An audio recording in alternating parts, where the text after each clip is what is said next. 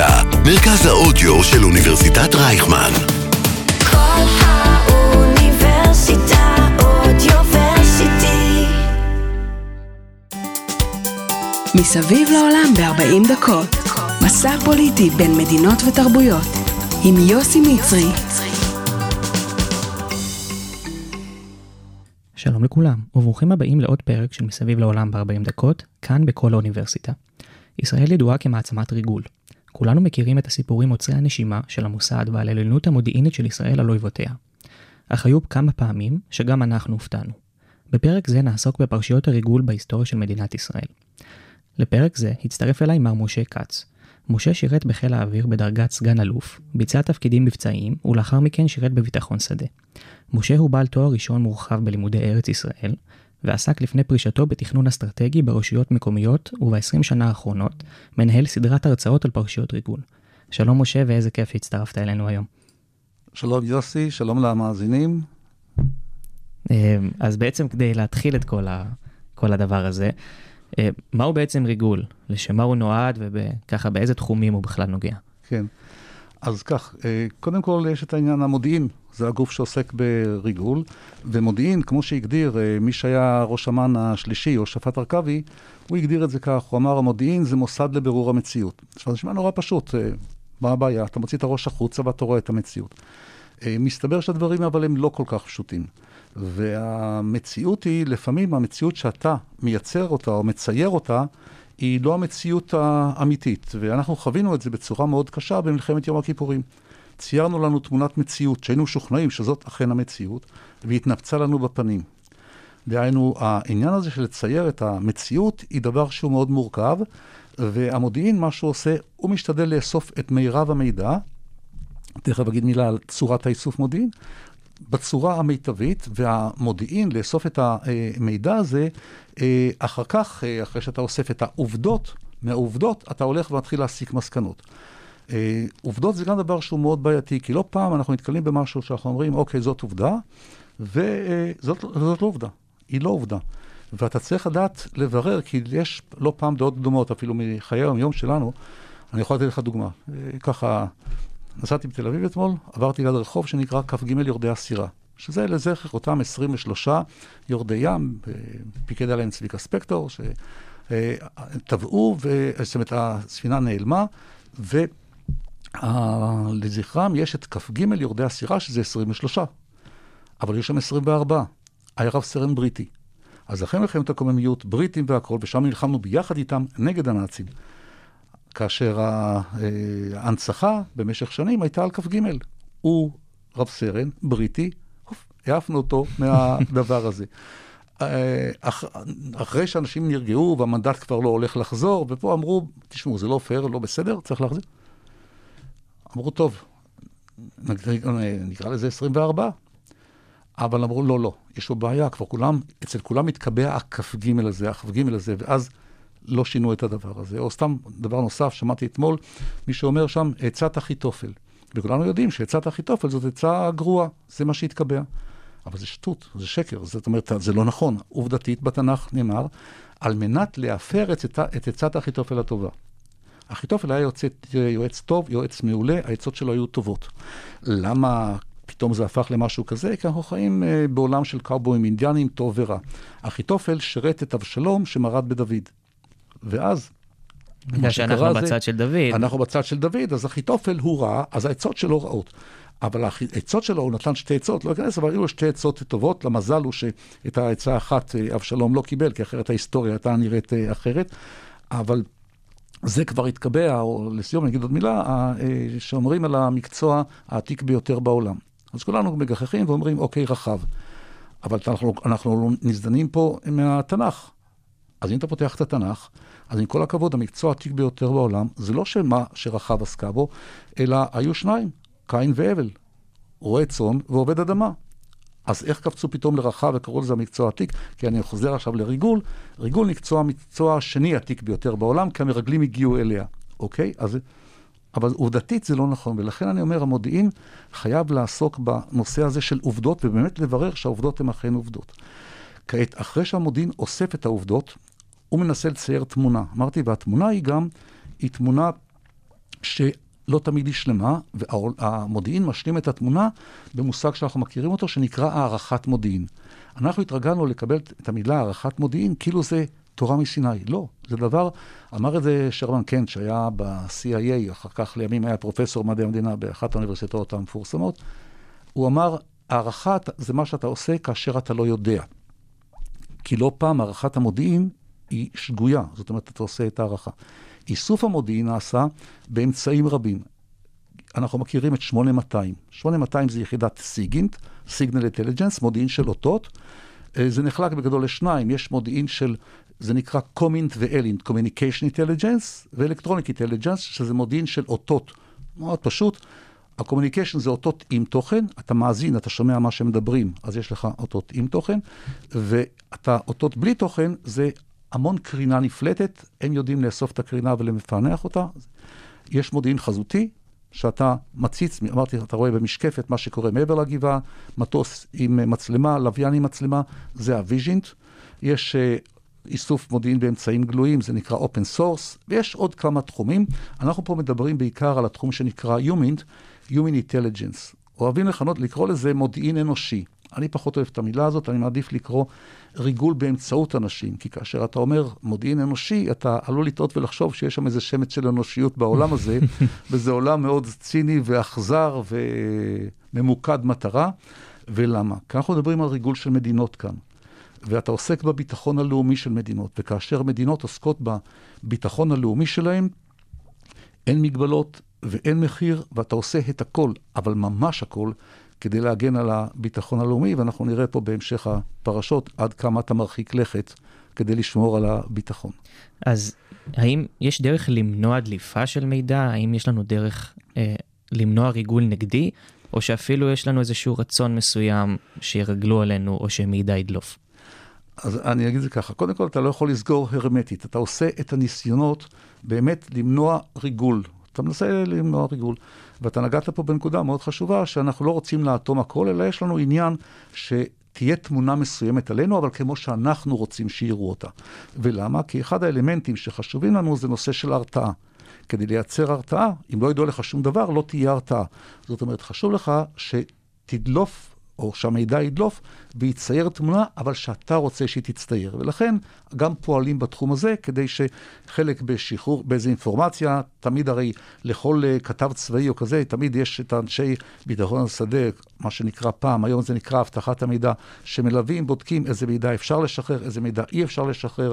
Uh, ובהתאם לנסות לייצ... לצייר את התמונה. אבל אתה שאלת שאלה מאוד חשובה, איך אפשר באמת למנוע את זה. אז נעשים כל מיני אמצעים. אחד האמצעים זה לבדוק את האנשים שעוסקים בחומרים רגישים, אתה בודק את האנשים, עושה להם את האבחון, ובהתאם אתה נותן להם סיווג ביטחוני. אתה בודק לא את כולם באותה רמה, תלוי באיזה תחומים האנשים עוסקים. ככל שהם עוסקים בדברים יותר ויותר רגישים, הבדיקה לגביהם תהיה יותר ויותר מעמיקה, כאשר מראש אתה ממדר, אתה מונע מאנשים שהם יכולים להיות בעייתיים, להגיע לעסוק בכלל בתחומים האלה. אתה מגדיר איזה קבוצות אוכלוסייה אתה לא אה, רוצה שיתקרבו אל הדברים האלה, ואחר כך אלה שסוננו ומתקרבים, ככל שהם עוסקים בנושאים יותר ויותר רגישים, תעשה לגביהם בדיקה יותר ויותר מעמיקה. מאה אחוז, אף פעם לא, כי הם עוסקים באנשים, ותמיד האנשים יכולים להפתיע, אנחנו נראה את זה פה גם בהמשך. דבר נוסף, יש כל מיני אמצעים טכניים שאתה עושה, כדי ש... כמו שעושים את זה, אבטחת מידע, אתה. היום יש המון מחשוב וסייבר ודברים מהסוג הזה. אתה משתדל לעשות כל מיני firewall כזה. שימנע את הכניסה לגורמים אה, בלתי מורשים בנושא הזה. אבל מאחר ואנחנו הולכים עוד, מעט, עוד מעט לעסוק גם בקום המדינה, אז צריך לזכור, כשקמה המדינה היו פה כ-600 אלף יהודים. בתוך תקופה של שנים ספורות הגיעו עוד כ-800 אלף יהודים. עכשיו, תחשוב, מדינה שקמה, אמצעים דלים בצורה בלתי רגילה. המעברות והכל, זה מראה את ה... אבל החליטו, לקחו החלטה אסטרטגית שאנחנו קולטים את כל היהודים כדי שכולם נרדפים ואנחנו רוצים באמת אה, לראות אותם פה. אבל כאשר יש גלים כאלה גדולים של עלייה, אתה לא יכול לסנן את הדברים האלה. גם, אה, והסינון בשנים הראשונות במיוחד היה גם חובבני, כי עוד לא ידעו את הדברים האלה. כי כמה, רק עכשיו קמה המדינה, והנה קמו לנו שירותי הביון. אז נכון שיבואו אנשים ויגידו, רגע, רגע, היה השי, שירות הידיעות של ההגנה. אבל הם עסקו יותר באיסוף. זה, הש... אני לא רוצה פה להיכנס לזה יותר מדי, אבל זה מודיעין של מחת... עדיין מחתרת, אוסף, זה נעשה בצורה מאוד מסוימת, אוסף מידע. זה לא שירות ביון שעוסק בכל הדברים האלה, כולל אבחון כוח אדם, לבדוק את הדברים האלה. דבר נוסף, צריך לזכור, הגיעו אנשים, האנשים מגיעים כפליטים. מאירופה היה, הייתה שואה, וכשאתה בודק אנשים אחורנית, קשה לך לבדוק, קהילות שלמות נמחקו. מעט מאוד, ויש, אם היית רוצה גם לבדוק את זה בצורה מקצועית, כמו שעושים את זה היום, טכנית באמת היה קשה מאוד להגיע לזה. אה, הגיעו פליטים ממדינות ערב. שוב פליטים, קשה לך מאוד לאסוף מידע על הדברים האלה. תוסיף לזה, שכמו שאמרתי, רק התחיל כל הדבר הזה להתפתח. אה, מה שקורה בנושא של מודיעין, אחת הבעייתיות, הבעיות הגדולות שהיו לנו בזה, קמה מדינה.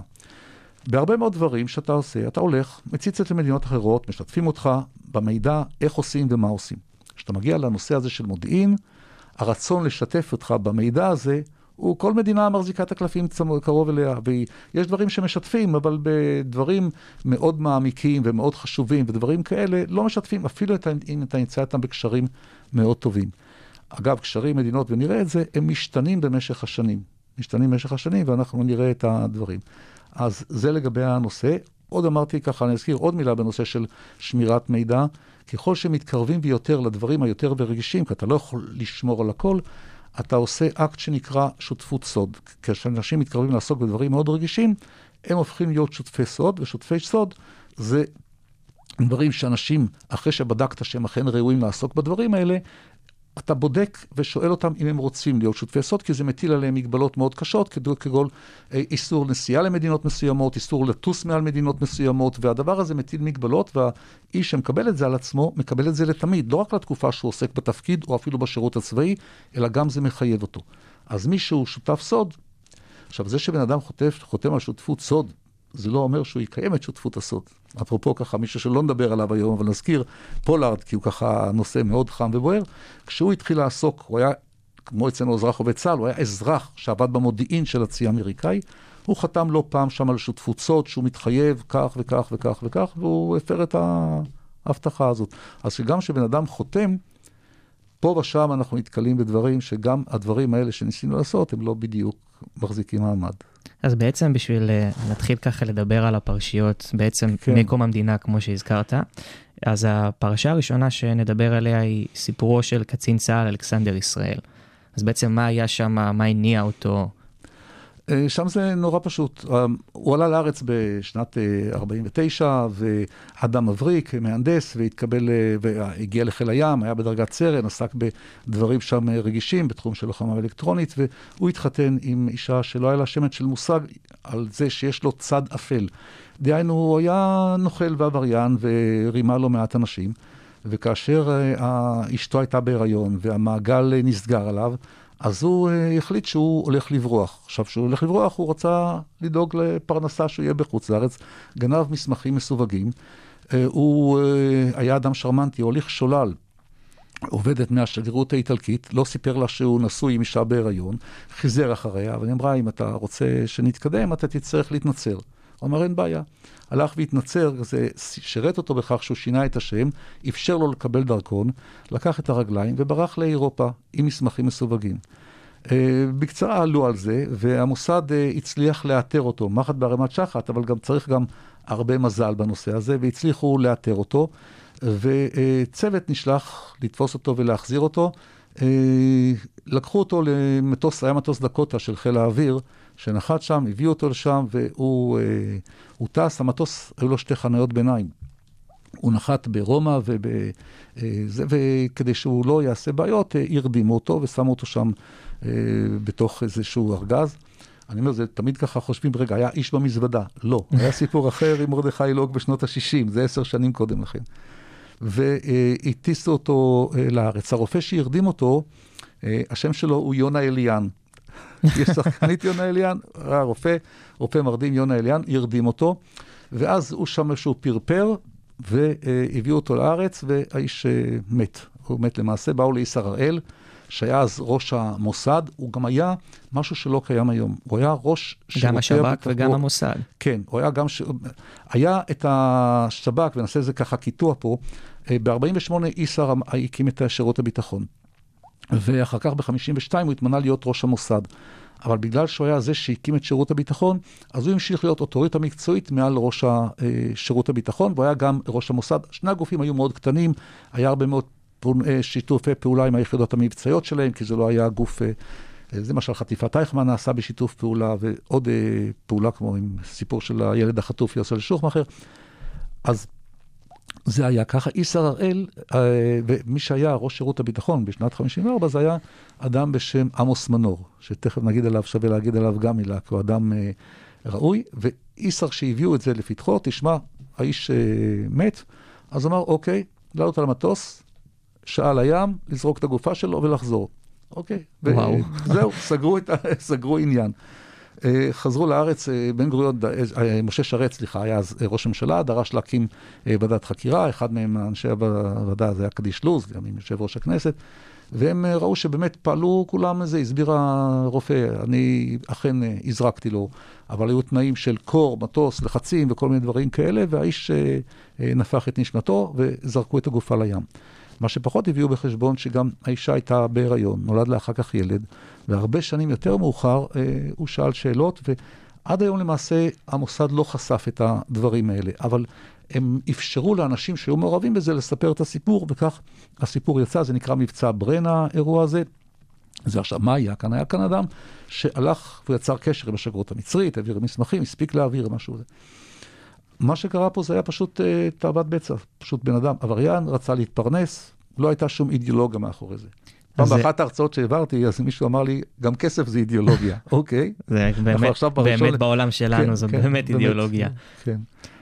אה, אז אז זה הסיפור של- זה הסיפור שלו, שככה...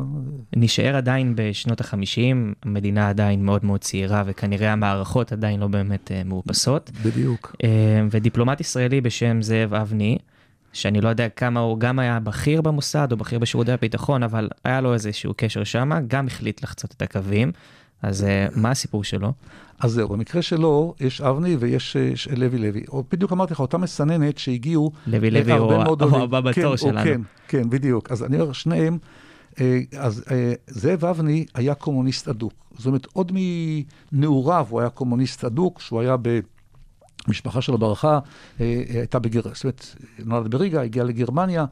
כשהנאצים עלו לשלטון הם ברחו לשוויץ, ובשוויץ הוא שם היה, וכשפרצה מלחמת העולם השנייה, הוא אה, היה בקשר עם... אה, אה, הגיע לקשר עם קצין בגארה-או, שזה המודיעין הצבאי הסובייטי, והוא ראה בחור אינטליגנטי, מבריק, קומוניסט להוט, והוא גייס אותו לרשת הריגול שהייתה שם.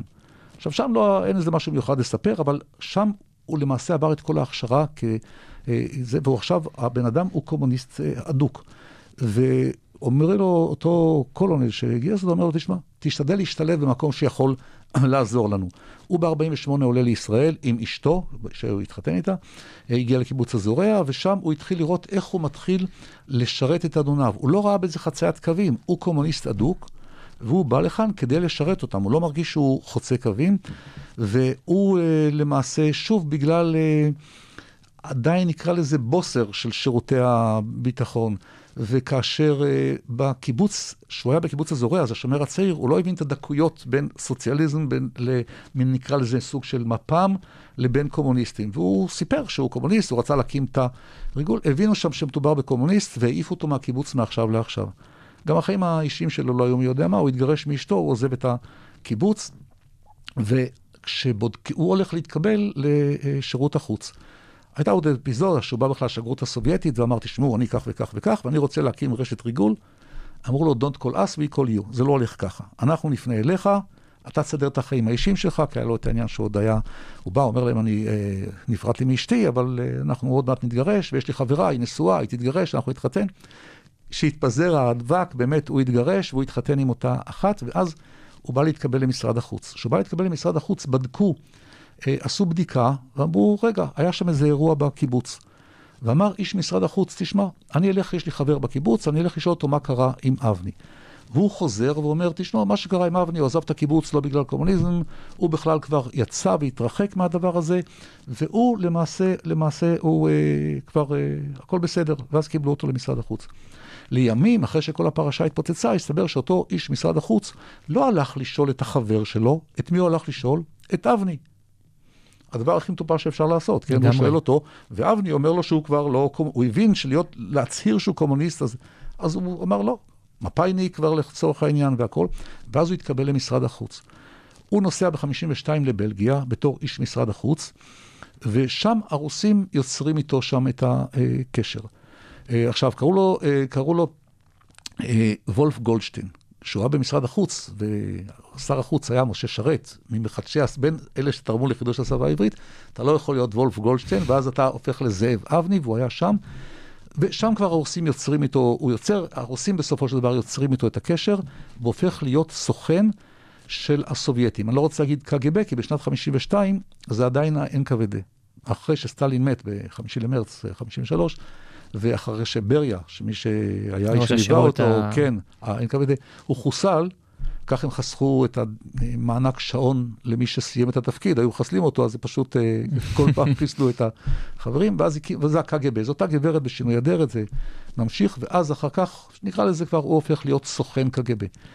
מילה למילה סוכן. סוכן זה מישהו שעובד עבור מדינה אחרת. לא פעם אני רואה שקוראים לאנשי המוסד פה בארץ סוכנים. הם, אנשי המוסד שלנו לא קוראים לעצמם סוכנים. איש המוסד האינטגרלי.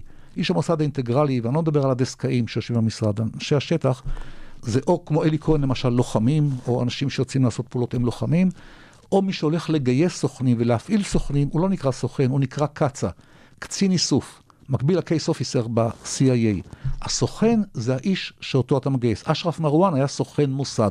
למשל, הוא משם, הוא מגויס, והמפעיל שלו הוא מפעיל, הוא קצ"א, קצין איסוף. אבני הוא סוכן של הקג"ב, הוא עובד עבור, ה, אה, נקרא לזה הקג"ב, עובד עבור הרוסים. והוא בשלב מסוים, אה, איסר הראל, שהיה ראש המוסד, באותה שנים היו, אה, הייתה פעילות במצרים שמאוד, אה, שהדירה שינה מעינינו. הגיעו מדענים, רצו לראות מה קורה, הייתה קהילה גרמנית שהגיעה לשם ורצו להחדיר סוכנים. וזה אחד המשחקים, הנושא הריגול, משחק מאוד מעניין. שהמקרה של אבני ככה משקף את זה. רצו לגייס מישהו ורצו לגייס שני נאצים שיעבדו עבורנו. אתה לא בטוח שהם ירצו לעבוד עבור מדינת ישראל, ואז אה, סיום, אה, זה סוג של גיוס, שגיוס תחת דגל זר. אתה, כשאתה הולך לגייס מישהו לבנק לאומי, הוא בא, רואה שלט גדול בנק לאומי, וכשאתה עושה גיוס של סוכן, זה נעשה בשטח פתוח, בית קפה, אתה לא יודע מי הבן אדם. הבן אדם מציג את עצמו, אתה לא יודע מי. אז הוא הציג את עצמו, רצו מישהו בעל חזות מסוימת, ואז המוסד המצומצם לא היה מספיק אנשים, פנו בין השאר לאבני, כי הוא היה משוויץ, היה לו את הדיאלקט שרצו, הוא התאים מכל הבחינות, ושאלו אותו אם הוא מוכן להיות סייען של המוסד. אחד הדברים שאתה עושה, לא פעם בן אדם לא חייב להתגייס למוסד, הוא ממשיך להיות איש משרד החוץ, אבל הוא מסייע למוסד. ארנון מילצ'ן למשל סייע לנו בכל מיני פריטים שעזרו בנושא הגרעין, כמו שתואר. אה, לא פעם שהאיש שלנו שנסע לטפל בנושא חטיפת אייכמן נעזר ביהודים מקומיים, הם היו סייענים, הם לא מגויסים. אז הוא היה סייען של המוסד. וככזה הוא נחשף לאותו מבצע ריגול, לאותו מבצע גיוס, והצליחו לגייס שני אנשים כאלה שהם הגיעו למצרים, וישראל הופתע לראות שתוך זמן קצר המצרים גירשו אותם משם. לא חקרו אותם, לא כלום, העיפו אותם. הוא הבין שהם נחשפו. ובדרך כלל כשמישהו נחשף, אז צריכים לחקור אותם. אנחנו עכשיו מבינים למה לא, למה לא אה, חקרו אותם, מאחר שהרוסים, הם אלה שאמרו למצרים, שימו לב, אלה מרגלים, ולרוסים לא היה עניין שיחקרו אותם, כי הם לא רוצים שיגלו באיזה צורה זה נעשה, אז הם נותנים להם את הטיפ, אבל הרוסים היו קמצנים מאוד בטיפים, אבל נתנו את הטיפ. איסר הראל הבין שיש פה איזושהי בעיה, ובצורה כזאת איסר היה חשדן בלתי רגיל, ובצורה כזאת עלו על אבני, ועצרו אותו וחקרו אותו. אה, הוא, הוא לא, הוא בהתחלה הוא לא הודה, אבל אה, הוא חשב שהוא יישא נאום חוצב להבות בזכות הקומוניסטים כשהוא יגיע למשפט. ולמעשה, אה, ככה ניגע בעוד פרשיונת פה, מתוך זה כי אה, אה, אחד הדברים ששוחחנו בעבר, אה, אחד הדברים שעזרו לשבור אותו, שהוא קומוניסט אה, שרוף, הוא נעצר באפריל 56. בחודש פברואר 56, שלוש שנים אחרי שסטלין מת, הייתה, היה הקונגרס ה-20 של המפלגה הקומוניסטית. חרושצ'וב, בפעם הראשונה, שלוש שנים אחרי שסטלין מת, העז שם, בפורום סגור, לבוא ולהגיד שסטלין היה רוצח המונים, וזה נעשה ב... ואז הדברים של סטלין, של חרושצ'וב, אה, כתבו והפיצו אותם בעותקים מצומצמים ב- למנהיגי מזרח אירופה. וזה מה שנקרא הנאום הסודי. הנאום הסודי הזה מתגלגל לפולין, ולפולין לראש המפלגה הקומוניסטית הפולנית, והיה שם, אה, היה אה, עיתונאי יהודי שלה, שלנו, לא שלחנו לרגל, פשוט היה עיתונאי אה, יהודי, ויקטור גרייבסקי, שהוא התפכח מהקומוניזם קודם, ובאינסטינקט עיתונאי שלף את ה... הוא היה מיודד שם עם המזכירה, הוא היה, איך אומר, הייתי יותר ממיודד איתה, והוא היה חתיך, נראה טוב והכול, היא באה, היא נותנת לו, הוא מבקש אה, אם הוא יכול לקחת את הנאום לשעתיים, היא אומרת לו כן, הוא לוקח, מביא את זה לשגרירות הישראלית, מעתיקים ומגיעים, זה מגיע לישראל. הנאום נוחת פה בישראל, ופה עמוס מנור, שהיה ראש השירות, הוא מעביר את זה לאמריקאים. עכשיו, זה דרך אגב אחד הדברים שסייעו לקשר שלנו עם האמריקאים. כי בשנים הראשונות האמריקאים לא כך התלהבו, כי ראו מדינה סוציאליסטית, הם היו די מסויגים, וזה דבר שעזר מאוד בקשר האמריקאים. היה איש קשר בשם אה, אה, ג'יימס ג'יזוס אנגלטון, שהוא היה איש CIA שמאוד אהב אותנו, וזה אחד הדברים שעזרו בלרקום את היחסים. בקיצור, הנאום נוחת על שולחנו של אלן דאלאס, ראש ה-CIA, הוא משתכנע שזה הנאום שכולם שמעו עליו, והוא מתפרסם ועושה רעש מאוד גדול. הנאום הזה סייע לשבור מה שנקרא את אבני, הוא סיפר שהוא קרא את הנאום וזה גרם לו לזעזוע, הוא עדיין, תחשוב, הוא עצור, וכאשר הוא מגיע למשפט שלו ביולי, הוא לא נושא שום נאום חוצב לעבוד בזכות הקומוניזם, הוא כבר התרסק מבחינה אידיאולוגית והוא החליט שרוצה להיות אזרח מדינת ישראל. ואז אבני, שמגיע למשפט, שואלים אותו, אתה מודה באשמה? שום נאום חוצב להבות, אומר, אני מודה, נידון ל-14 שנות מאסר, ומהשלב הזה הוא משתף פעולה בצורה אדוקה עם שירותי, ה... עם, uh, שירותי הביטחון. איסר הראל בא לבקר אותו בכלא, עמוס מנור, uh, סגן ניצב יהודה פראג, שהיה uh, אחראי גם על החקירה שלו, והוא מחליט שהוא רוצה להיות באמת אזרח ישראלי טוב ותורם, מקצרים לו את העונש בחצי. השת, השתמשו בו גם, דרך אגב, אה, אה, לדובב, אחד האנשים זה האדם השלישי מעסק הביש, כל אחד במדינה קטנה, הכל נפגש כאן. ואחרי שבע, שבע שנים הוא יוצא מהכלא, אה, הוא למד פסיכולוגיה, בין השאר גם שהיה בכלא, קיבל תנאים אה, באמת מועדפים. וזהו, זו פרשה שדרך אגב, שהייתה חסויה כ-30 שנה, לא פרסמו עליה דבר וחצי דבר. ובכלל, הדברים האלה יש איפול צנזורלי של הרבה מאוד שנים, כמו שאמרתי לפרשה הקודמת, גם איפול שהיה הרבה מאוד שנים. והוא במלחמת אה, אה, יום הכיפורים של שנת 73, הוא כבר בן 51-2, והוא התגייס בתור קצין בריאות נפש. כן, הוא יצא נכון לחזית ול... ועשה, כן, והוא עשה, אה, מי שהיה אחראי עליו שם, לא היה לו שמץ של מושג שהאיש הזה היה קודם מרגל, והוא עשה עבודה נפלאה בנושא של הצלת אנשים בתחום הזה, כי הוא החליט להיות אזרח טוב לכל דבר, אחר כך הוא גם היה בקיבוץ משמרות, ואחר כך עוד בחדרה, והוא נפטר בשנת 2006, בסוף 2006, והוא אה, עשה, מה שנקרא, עשה תשובה, כן, חזר. ממש. אז זה, אה, זה באמת אה, אבני, שעשה את הדברים שהוא לא ראה בעיניו חציית קווים, הוא היה קומוניסט, ולכן, שוב סיבה לריגול, אידיאולוגיה. אז בעצם שראינו. בחור שהזכרת אותו לפני שדיברנו על אה, זאב אבני, לוי לוי. ולוי לוי, אחלה שם, שם מאוד יהודי. כן. אה, מה מה הסיפור שלו? הוא, מה שקורה זה, בתום שמתפרצה מלחמת העולם השנייה, הוא היה בפולין, בורח לברית המועצות, כבר שם היה לו מגעים עם אה, אה, עם ה-NKVD. חוזר לפולין, ושם הוא סיפר על סיטואציה כזאת ואחרת, יש לו מול שירות הביון הפולני, והוא מצטרף, זאת אומרת, הם מגייסים אותו. הוא היה ממנהיגי תנועת גורדוניה בלודג'. ובאותה תקופה תנועת גורדוניה עסקה בין השאר בהגנת יהודים, כי לפולנים היה קשה מאוד להשתחרר מהתחביב שלהם אה, לה- להרוג אה, יהודים. ושנה ו... שנה וחודשיים אחרי שהסתיימה מלחמת העולם השנייה, אה, בשנת 46 ביולי, היה מה שנקרא טבח בקלצה. בעיר בקלצה פולנים שם אה, הרגו יהודים. היו צריכים לעסוק באמת בהגנה. הפולנים ידעו שעושים את הדבר הזה, ושירות הביון שלהם, ה-OB, שירות הביון הפולני, אה, מגייס את אה, אותו לוי לוי. לוי לוי עובד עבורם, לחברים שלו שם אין שמץ של מושג שהוא עובד עבורם, עבור ה... ולוי לוי אחר כך ב-48 עולה לישראל, יחד עם אשתו, היא נפטרה זמן קצר לאחר מכן, והוא אה, מתקבל לשירות הביטחון הישראלי. שוב, הבדיקות לגביו היו בדיקות של, אה, אפשר להגיד בדיקות, שוב, בדיקות לא רציניות. עמוס מנור אמר את זה בצורה מאוד פשוטה ומאוד גלויה, הוא אומר, היינו חובבנים. הוא לא מסתיר את זה. שנים ראשונות, ויותר מזה, במקרה שלו, של לוי לוי, אפילו היה מי שזכר זכר אותו מגורדוניה, הוא היה בגורדוניה, הוא היה פה, כבר יש לו איזשהו רקורד. והוא מתקבל להיות אה, ב, ביחידה המבצעית של שירות הביטחון. מתקבל ביחידה, איך אומר הגשש? בצנטרום של הפיילה, ביחידה המבצעית של שירות הביטחון, והוא פועל משנת 50 בערך עד, חמש, עד שנת 57. ובמהלך השנים האלה, הוא שותף למבצעים כאלה ואחרים שעושה שירות הביטחון, בין השאר לפרוץ לחדרים של דיפלומטים אה, ועיתונאים שהגיעו ממזרח אירופה, כי היה ברור שהעיתונאים שם הם עיתונאים אה, שכל אחד מהם עובד עבור השירות, אה, שירות הביון הרוסי, והוא בצורה כזאת פועל, ואף אחד לא חושד בו. הוא יוצא, יצא בו שם לצרפת, והוא סיפר מה עשייה. הוא סיפר שיש לו משפחה עמידה בצרפת. זה נתן לו שני דברים. אחד, הסבר למה יש לו יותר כסף מאשר לאחרים, ודבר שני, זה נתן לו הצדקה למה הוא נוסע לחו"ל. ואף אחד לא טרח לבדוק אם יש לו משפחה בצרפת או אין לו משפחה בצרפת. לא הייתה לו שם uh, משפחה בצרפת. אשתו, כמו שאמרתי, נפטרה, ובתחילת שנות ה-50 הוא מתחתן עם אחות תל אביבית, שיודעת שהוא איש שירות הביטחון, אבל היא לא יודעת שזה. אגב, שירות הביטחון, אסור היה לכתוב לא ש"ב ולא שב"כ עד 1957 לערך. עד אז זה היה חסוי, בכלל אסור היה להזכיר אותם. והוא היה איש היחידה המבצעית שם במשך כמה שנים טובות.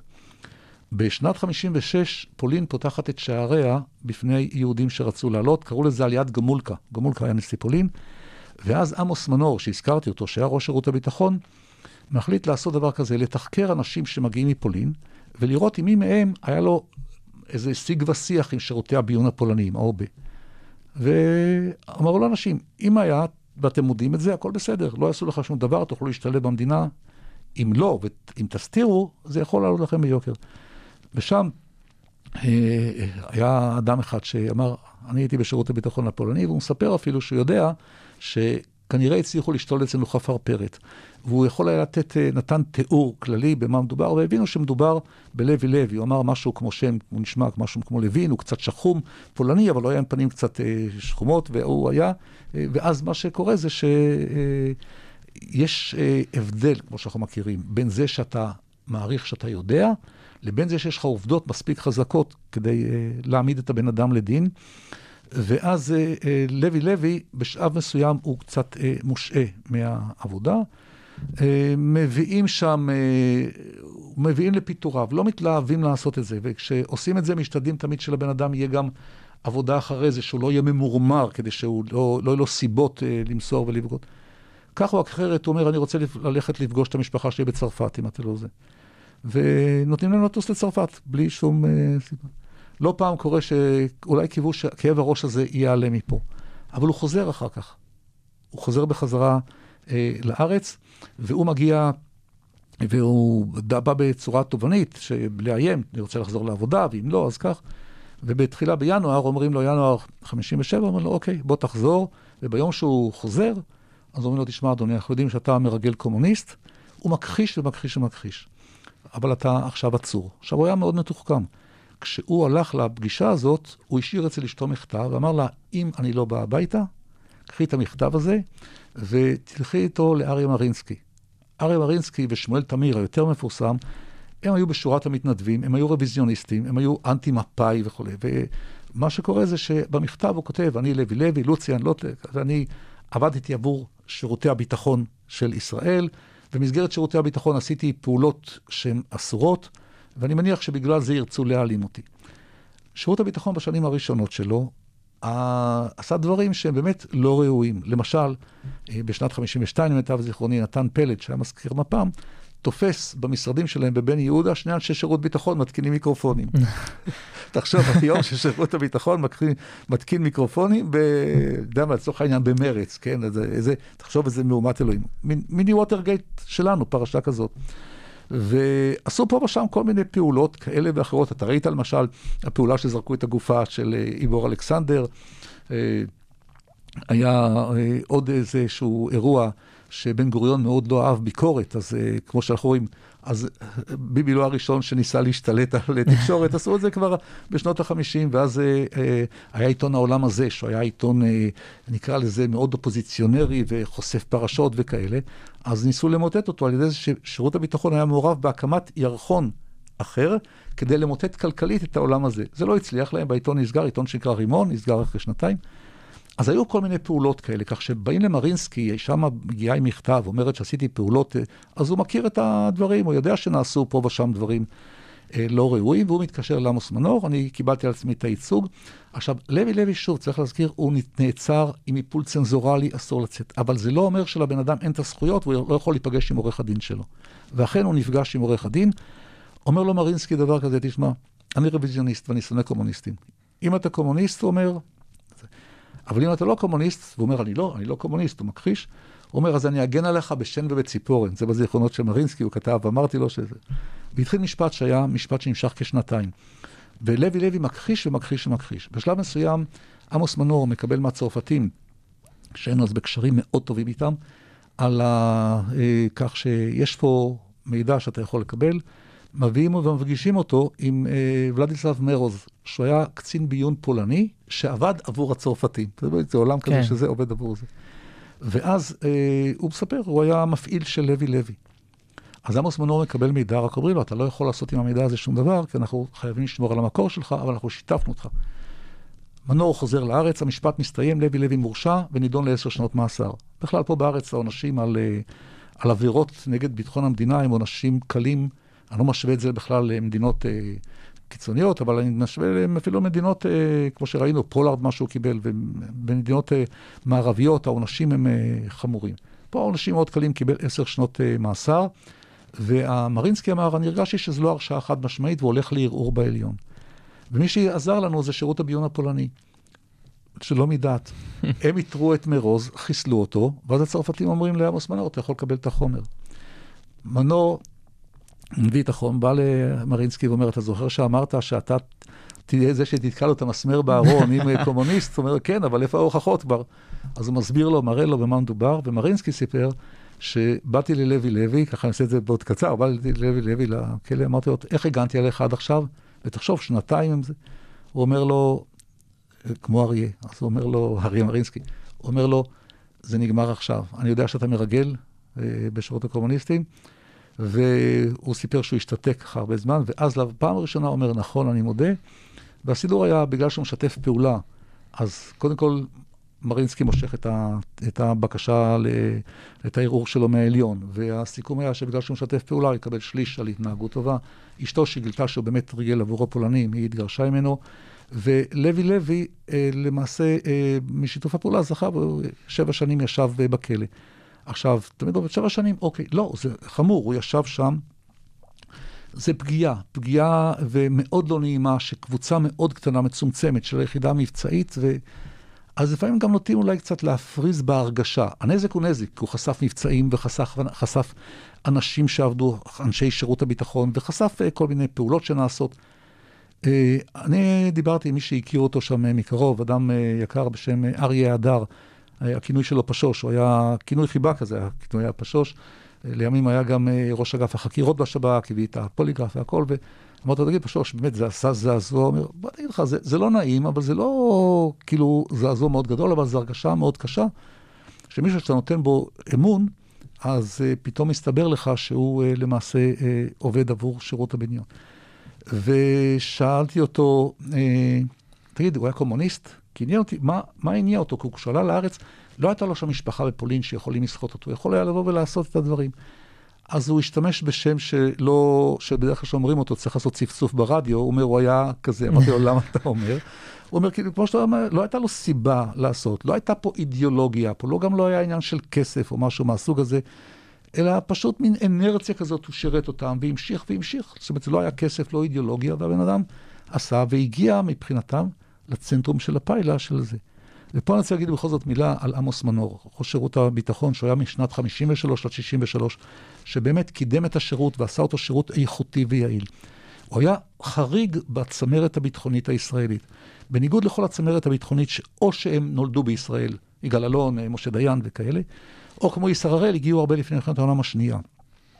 הוא היה, הוא נולד בטרנסילבניה בשם ארתור מנדלוביץ' ב-1918, והוא היה ב-1944 על הרכבת של יהודי הונגריה לאושוויץ, והוא שורד את, המשת... את המלחמה כשהוא לא מסוגל לעמוד על הרגליים שלו. הוא נשאר בפולין, ב... נשאר ברומניה, אה, עד 1949, ארתור מנדלוביץ'.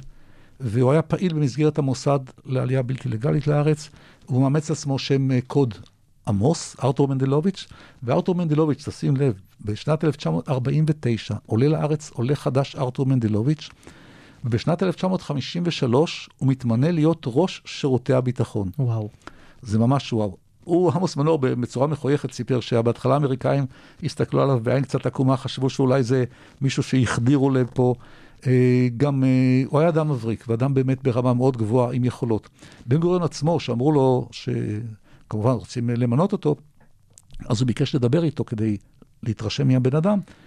אז הוא פגש אותו, הוא היה אז במלון מלא- במלון גלי כנרת בטבריה, הוא בא, יושב איתו כמה שעות, והתגובה שלו הייתה אחרי זה, תגידו, זה עולה חדש? עמוס מנור היה שלט בעברית והכיר, והכיר כל דבר וכל... הוא היה עשר שנים ראש שירות הביטחון ועשה עבודה מצוינת, כן. אז בעצם אנחנו ראינו שהפרשיות ריגול האלה הם ממש אה, צמוד לקום המדינה, אה, וכולם פחות או יותר קשורות לאנשי ביטחון והדיפלומטים וכדומה, אבל אנחנו רואים שגם בשנות ה-90, הרבה זמן אחרי שמדינת ישראל קמה והמדינה כבר מבוססת וחזקה, עדיין יש לנו פרשייה שקשורה אה, למישהו שעדיין מעורב בממסד הביטחוני, אה, ושמו הוא אה, לוינסון. מה תוכל לספר לנו על הפרשה הזאת? כן, אתה צודק, בדיוק, כי מה שקורה פה, אה, קודם כל ריגול ממשיך תמיד, והריגול תמיד יימשך ובצורה מאוד אינטנסיבית. שמעון לוינסון, בניגוד ללוי לוי ואבני, הוא היה דור שביעי בארץ. הוריו מוותיקי ירושלים וכולי, התגייס לצבא, והוא היה, ב... קיבל דרגות ייצוג. כ- בעיה, שלו, שלא כל כך התמודד עם בחינות, מצד שני, רצו אותו, בחור אה, ברמה אינטליגנטית, והוא היה בוועדת שביתת הנשק ישראל ירדן, עשה מגוון תפקידים. בשלב מסוים הוא שם משתחרר מהצבא, חוזר לצבא. כשהוא בין המשתחרר מהצבא, הוא אה, עושה כמה תפקידים בשירות הביטחון ובמוסד, שעוסק בנושא של אבחון. אז הוא מכיר גם את המוסד, קצת, גם את ה- את הביטחון, וחוזר בשנת 67 לצבא. אה, אחרי מלחמת אה, ששת הימים הוא היה בקצין קישור לכוחות הזרים. בשנת 70 שוב הוא מושאל למוסד, שלוש שנים הוא שם, עושה תפקידים במוסד, חוזר לארץ, מקבל פה דרגת אלוף משנה, בתור קצין קישור לכוחות הזרים. אה, רפול לא כל כך רצה אותו, והוא בסוף שנות ה-70, הוא בכלל נעלב, הוא חושב שמגיע לו כבר תת-אלוף, ומציעים לו תפקידים כאלה ואחרים, והוא גם קצת ממורמר, אבל הוא אלוף משנה, עוזב את הצבא, מחפש אה, מה לעשות.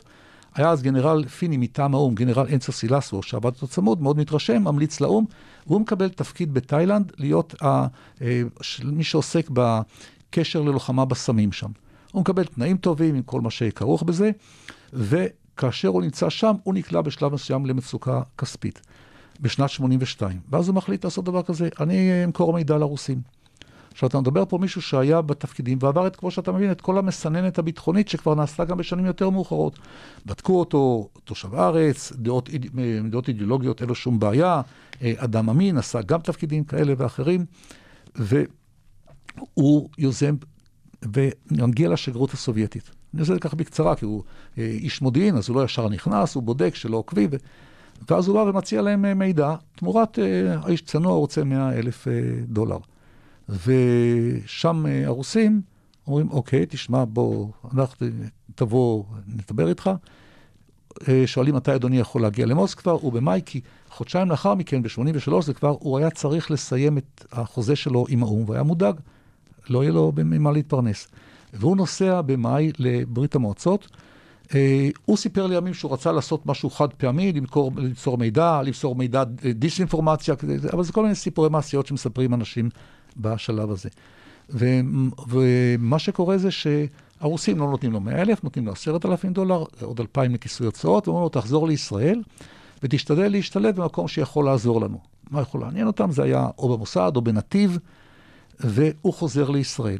בספטמבר, 70, ו- בספטמבר, ספטמבר 84, אה, הוא חזר בשנת 85, ובספטמבר 84 היו בבחירות, כמו תמיד, ממשלת אחדות לאומית, שמיר פרס, ובעזר ויצמן, שהקים את המפלגה קטנה, יח- אה, מפלגת יחד, מכניס את מנכ"ל משרד ראש הממשלה, אברשה תמיר, אלוף בצה"ל, ראוי, ולוי לוי הכיר הרבה מאוד אנשים. באופי התפקידים שהוא עשה, הוא היה, הכיר את שרון, והכיר את פרס, והכיר ראשי אגפים בשב"כ, באמת, הוא היה אה, דמות אה, מוכרת שם, והוא בא לאברשה תמיר, אם הוא יכול לסדר לו תפקיד, ואברשה תמיר מציע לו שם להיות קב"ט משרד ראש הממשלה.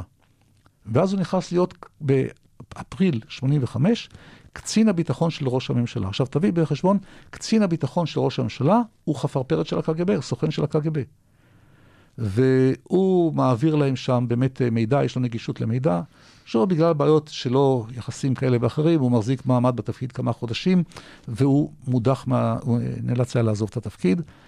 אחר כך בהמשך רצו להציע לו עוד תפקיד, להיות מבקר השב"כ. פרי אמר, אני לא אוהב אותו, ואם רוצים להחדיר אותו אליי, צריך לעשות לו בדיקה מלמעלה עד למטה. ופה אני רוצה להגיד לך, בשנים האלה הייתי סגן אלוף ביטחון שדה של חיל האוויר. ולנו היה נוהל שכל מי שיוצא מהארץ וחוזר אחר כך, ואתה מביא אותו לתפקידים רגישים, אתה בודק אותו מלמעלה עד למטה. והדבר הזה, כשהוא, אי אפשר היה לעצור אותו מלהיכנס בתאילנד לשגרירות, אבל אפשר וצריך היה לעצור אותו מלהיכנס למשרד ראש הממשלה, והיה צריך לבדוק אותו מלמעלה עד למטה. אז הסיפור היה, הוא הכיר את זה, והוא הכיר את זה, ונקבו שם בשמות, הכיר כל מיני.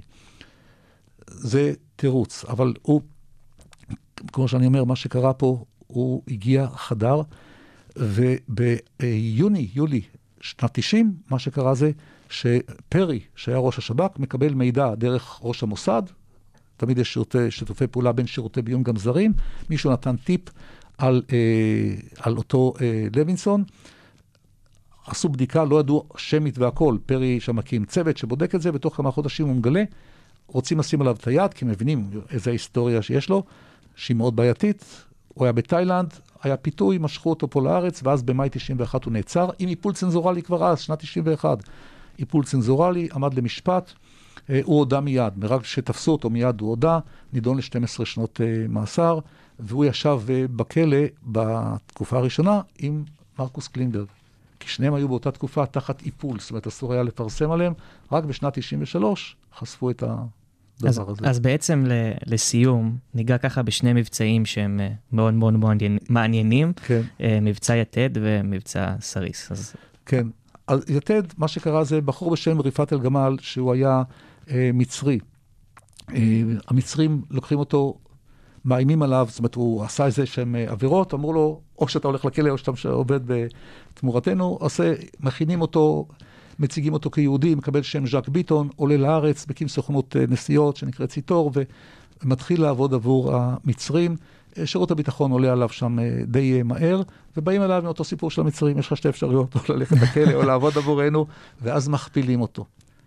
מכפילים את אה, ז'אק ביטון, ובונים לו גם, אה, בונים את האמינות שלו בתור סוכן. אחד הדברים היפים שעשו, הוא את החומר שלו היה מעביר בצורה מאוד פרימיטיבית למצרים, לא היה לו משדר או משהו כזה, אלא הוא שולח מכתב. והוא שלח למצרים הודעה על כך שהולך להיות מבצע קדש, יום-יומיים לפני המבצע. עכשיו, הביאו חשבון שהוא שולח, שולח את זה בדואר.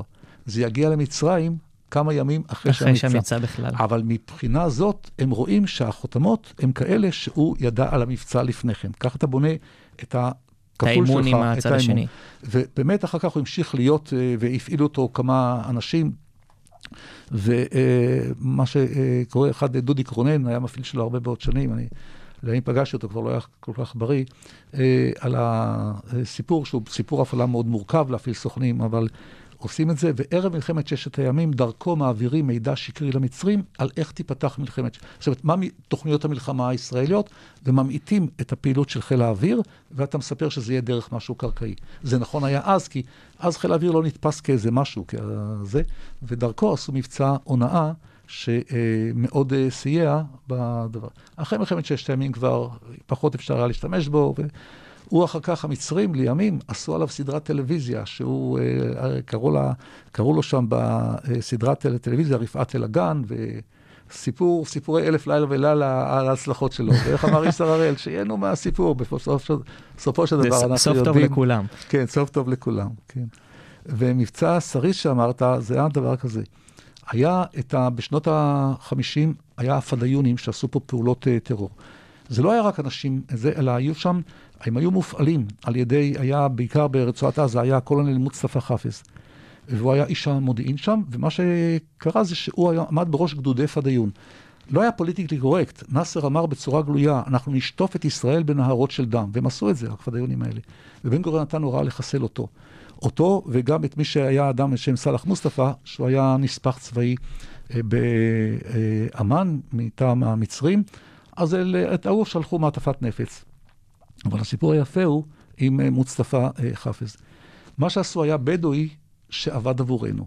לחצות את רצועת עזה זה לא הייתה בעיה, היה קו תלם, כמו שבנאום ההספד של אה, דיין לרועי רוטברג, כשהפדאיונים רצחו אותו, אמר קו התלם, פשוט היה קו תלם שסימן, הבדואי היה יוצא ומביא לנו מידע. המצרים, הוא למעשה עבד עבור המצרים, ולא עבורנו. אבל אנחנו גילינו שהוא למעשה עובד עבור המצרים. ואז מה עשו? מה שקראו, לקחו אותו ואמרו, תקשיב, מפקד המשטרה ברצועה, הוא עובד עבורנו. זה לא היה ולא נברא. אתה צריך להעביר לו ספר, שהספר הזה ישמש אותו בתור קודים לעבוד עם הדבר הזה. הספר היה למעשה פצצה. פצצה, כן, היה פצצה.